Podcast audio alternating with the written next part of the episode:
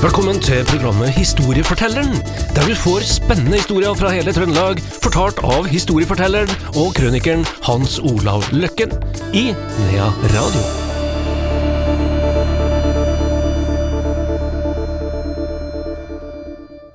Historiefortelleren her i Nea Radio er klar med en uh, ny historie, ei ny fortelling. Og Hans Olav Løkken er selvfølgelig vår historieforteller. Velkommen, Hans Olav. Jo, takk. takk. Vi skal, til, vi skal opp i Følling, og da er vi i, ja, i gamle Nord-Trøndelag, da. Ikke så ja, hører til Steinkjer kommune i dag. Ja, vi skal til uh, Følling, uh, som er opp med Kvam, eller en gård opp med Kvam, da. Uh, litt nord av Steinkjer. Og vi skal til en Asbjørn Følling, som uh, faktisk talt er en ganske så kjent uh, personlighet innenfor medisin. Men jeg vil gjerne først bare ta med en bitte liten sånn historie fra litt utafor der. ute i Finnanger, en del av Otterøy og utover Namsos, da. Der. Jeg vil bare ta med den, fordi at dette er en sånn historie som ja, Er det noe å fortelle det her, da, liksom? liksom er, er, det der noe historie, da? Jo, det er historie. Det er historie uten blod og, og drap og, og, og, sex og Ja, du skjønner hva jeg mener? Det er, det, det, det er god historie. Og den bør også fram i all uh, elendigheten som vi prater om. Så jeg vil bare ha med den for å gi et eksempel på en sånn historie som jeg synes er litt grei, da. Og så skal vi komme tilbake til han uh, Asbjørn Følling etterpå, da. Og da beveger vi oss til 1951. Og da er det en eh, familie der uh, som heter Finnanger, da, som er uh, ute på Otterøya. Og de har en, en jakthund, kalles Nora, da. Og var visst en veldig flink jakthund, og var da selvfølgelig en, antagelig en norsk elghund. Her.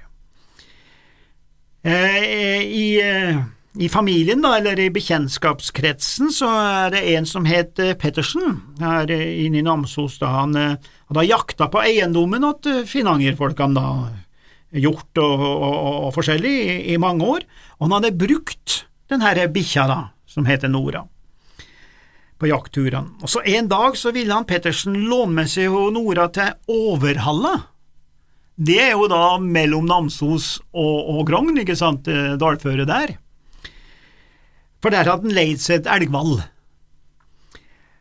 Og eh, det går noen del dager, og så ringer eh, Pettersen da på sånn telegraftelefon, vet du, og sett meg over sånn og sånn og sånn og sånn. Ringer Pettersen da til han Johan Finnanger, og så Uff, nei, nå skal du høre, bikkja er blitt borte.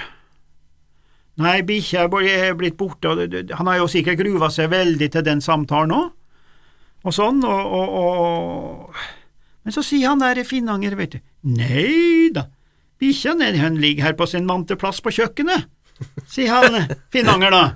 Hva i svarte, tenker han eh, Pettersen. Det ble veldig forundra, vet du, og gleden var jo selvfølgelig der, men eh, det her var ei gåte.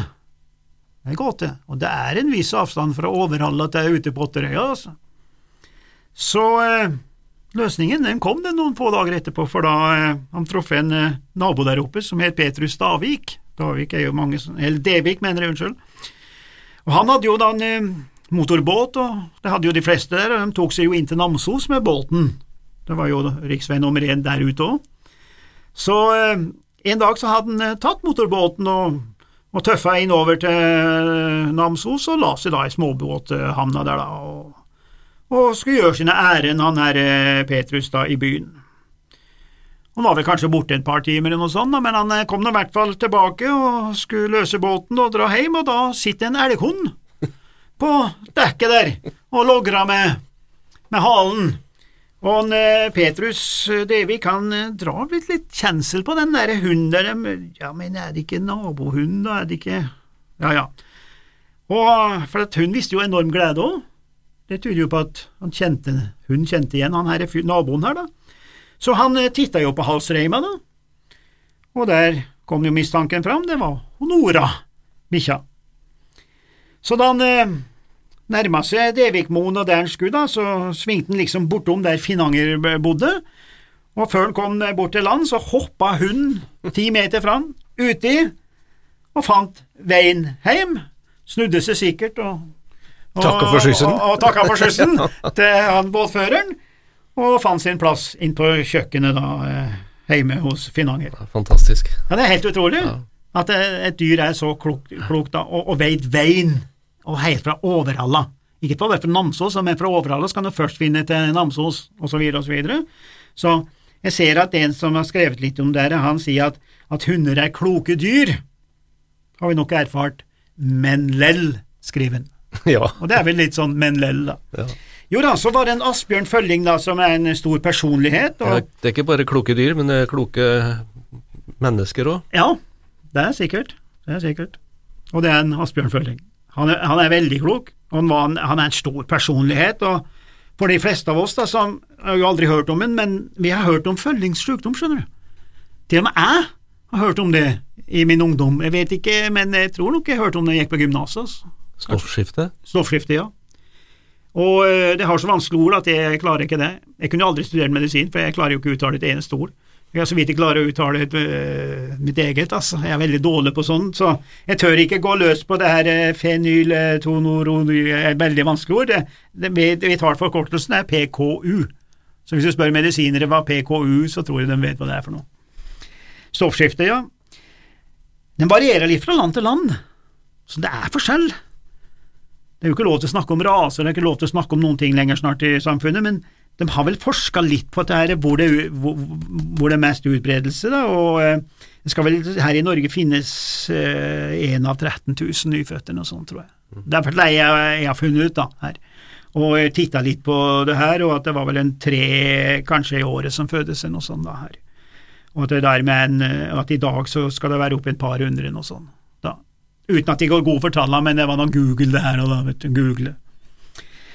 Jo da, han Asbjørn Følling han var da født på Nordfølling, da, så en eh, bra gård oppe i Kvam, eh, da nord av Steinkjer.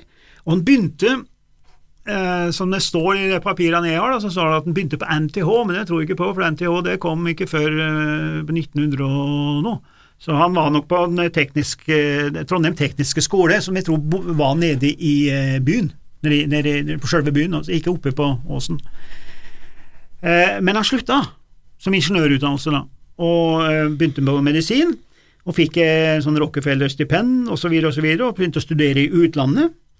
Han eh, tok doktorgrad, havna da i Amerika, var med på å lede vitenskapelige studier, altså som da fører fram til denne såkalt følgingssykdom, og det gjorde han oppe i Rocky Mountains, og han brukte seg sjøl som for, forsøksobjekt, ved altså at han, han påførte nyrefunksjon, nyrene visse ting, han, eh, syreforgiftning, og, og, og, og, han så på forandring i blod og urin. Han brukte seg sjøl, og det har jeg hørt eh, fra tidligere òg, mange år siden, at det var en del sånne leger og vitenskapsfolk som faktisk da brukte seg sjøl, altså. Tenk på det, altså. Ganske. Da er du ivrig. Da er du ivrig, og, men du vet jo hva du gjør. Antagelig. Og han eh, Han hadde jo mange professorstillinger, da. Og eh, i 1962 så fikk han prisen til Joseph P. Kennedys eh, Foundation. Og Joseph P. Kennedy, han er altså da i slekt, selvfølgelig, med, med Han er bror til, til den Kennedy som jeg og du kjenner, for å si det sånn, John F. Kennedy. Han omkom i flyulykke, han er i Joseph, den er jo en flyulykke som jeg kan ganske mye om, da. Men eh, han eh, så Den prisen ble altså innstifta av en John F. Kennedy, da, til minne om broren, da. Og han eh, Følling var da i Hvite hus og mottok prisen. Så han har fått ganske så mange sånne priser og ordener, da, for sin innsats. Han døde i eh, 1973. Og det som alltid prega han Asbjørn Følling, slik jeg forstår det på de eh, papirene jeg sitter på, da, var at han var en, eh, skal vi si, en, en, en typisk sånn ener blant enere. Og jeg har møtt en del enere blant enere. Jeg har noen av dem som elever, altså med 3000 som konkurrerer om tolv plasser, og, og hvis du skjønner poenget mitt, og, og, og lykkes, da. Og de er like gode i sport òg, vet du, men like gode i alt. Spiller ingen rolle hva de gjør, så er de like gode. Jeg hadde en sånn på gymnaset, ingen- jeg tror jeg aldri las noe. Jeg tror ikke han eh, gjorde noen ting på skolen, men han var best i alt. Du har sikkert truffet dem du òg, det er noen sånne mennesker, altså. Der. Og det er mange av dem som er flinke i idrett, skjønner du. Her. Jo da, så han, han var en typisk ener, men så har han også noe som er veldig typisk, og som jeg har lagt merke til i de, i de 38 årene jeg driver på en ganske tøff skole i Norge, pluss de 50 årene jeg har vært instruktør. da. Her, så har jeg jo sett på sånne enere. Mange tror at det er sånne bleier, altså. Sånne som brifer og alt mulig sånn. Nei, det er det ikke, altså. I hvert fall ikke dem som jeg har omgått da, i alle årene her. Mange av dem er utrolig takknemlige, og de er ydmyke, da. De brifer ikke, altså. De Har ikke behov for å brife. Og Følling han var en sånn menneske av dype tanker, da, og, og var forankra i tre ting – jordbruk, biologi og medisin. Og det der går ganske tett i lag.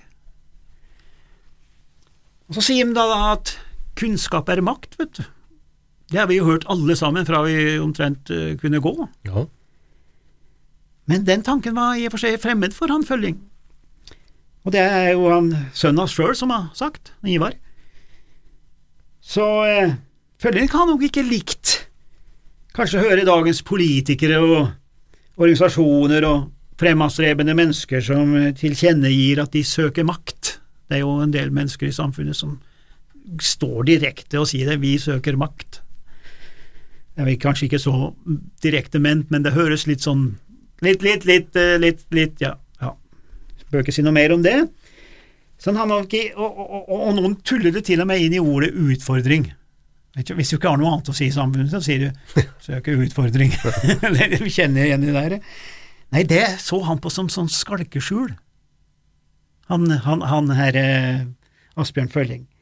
Så nordtrønderen Følling, han sa det slik. Kunnskap er ydmykhet. Det ligger ganske mye klokskap i bare det. Det var historia om en Asbjørn Følling.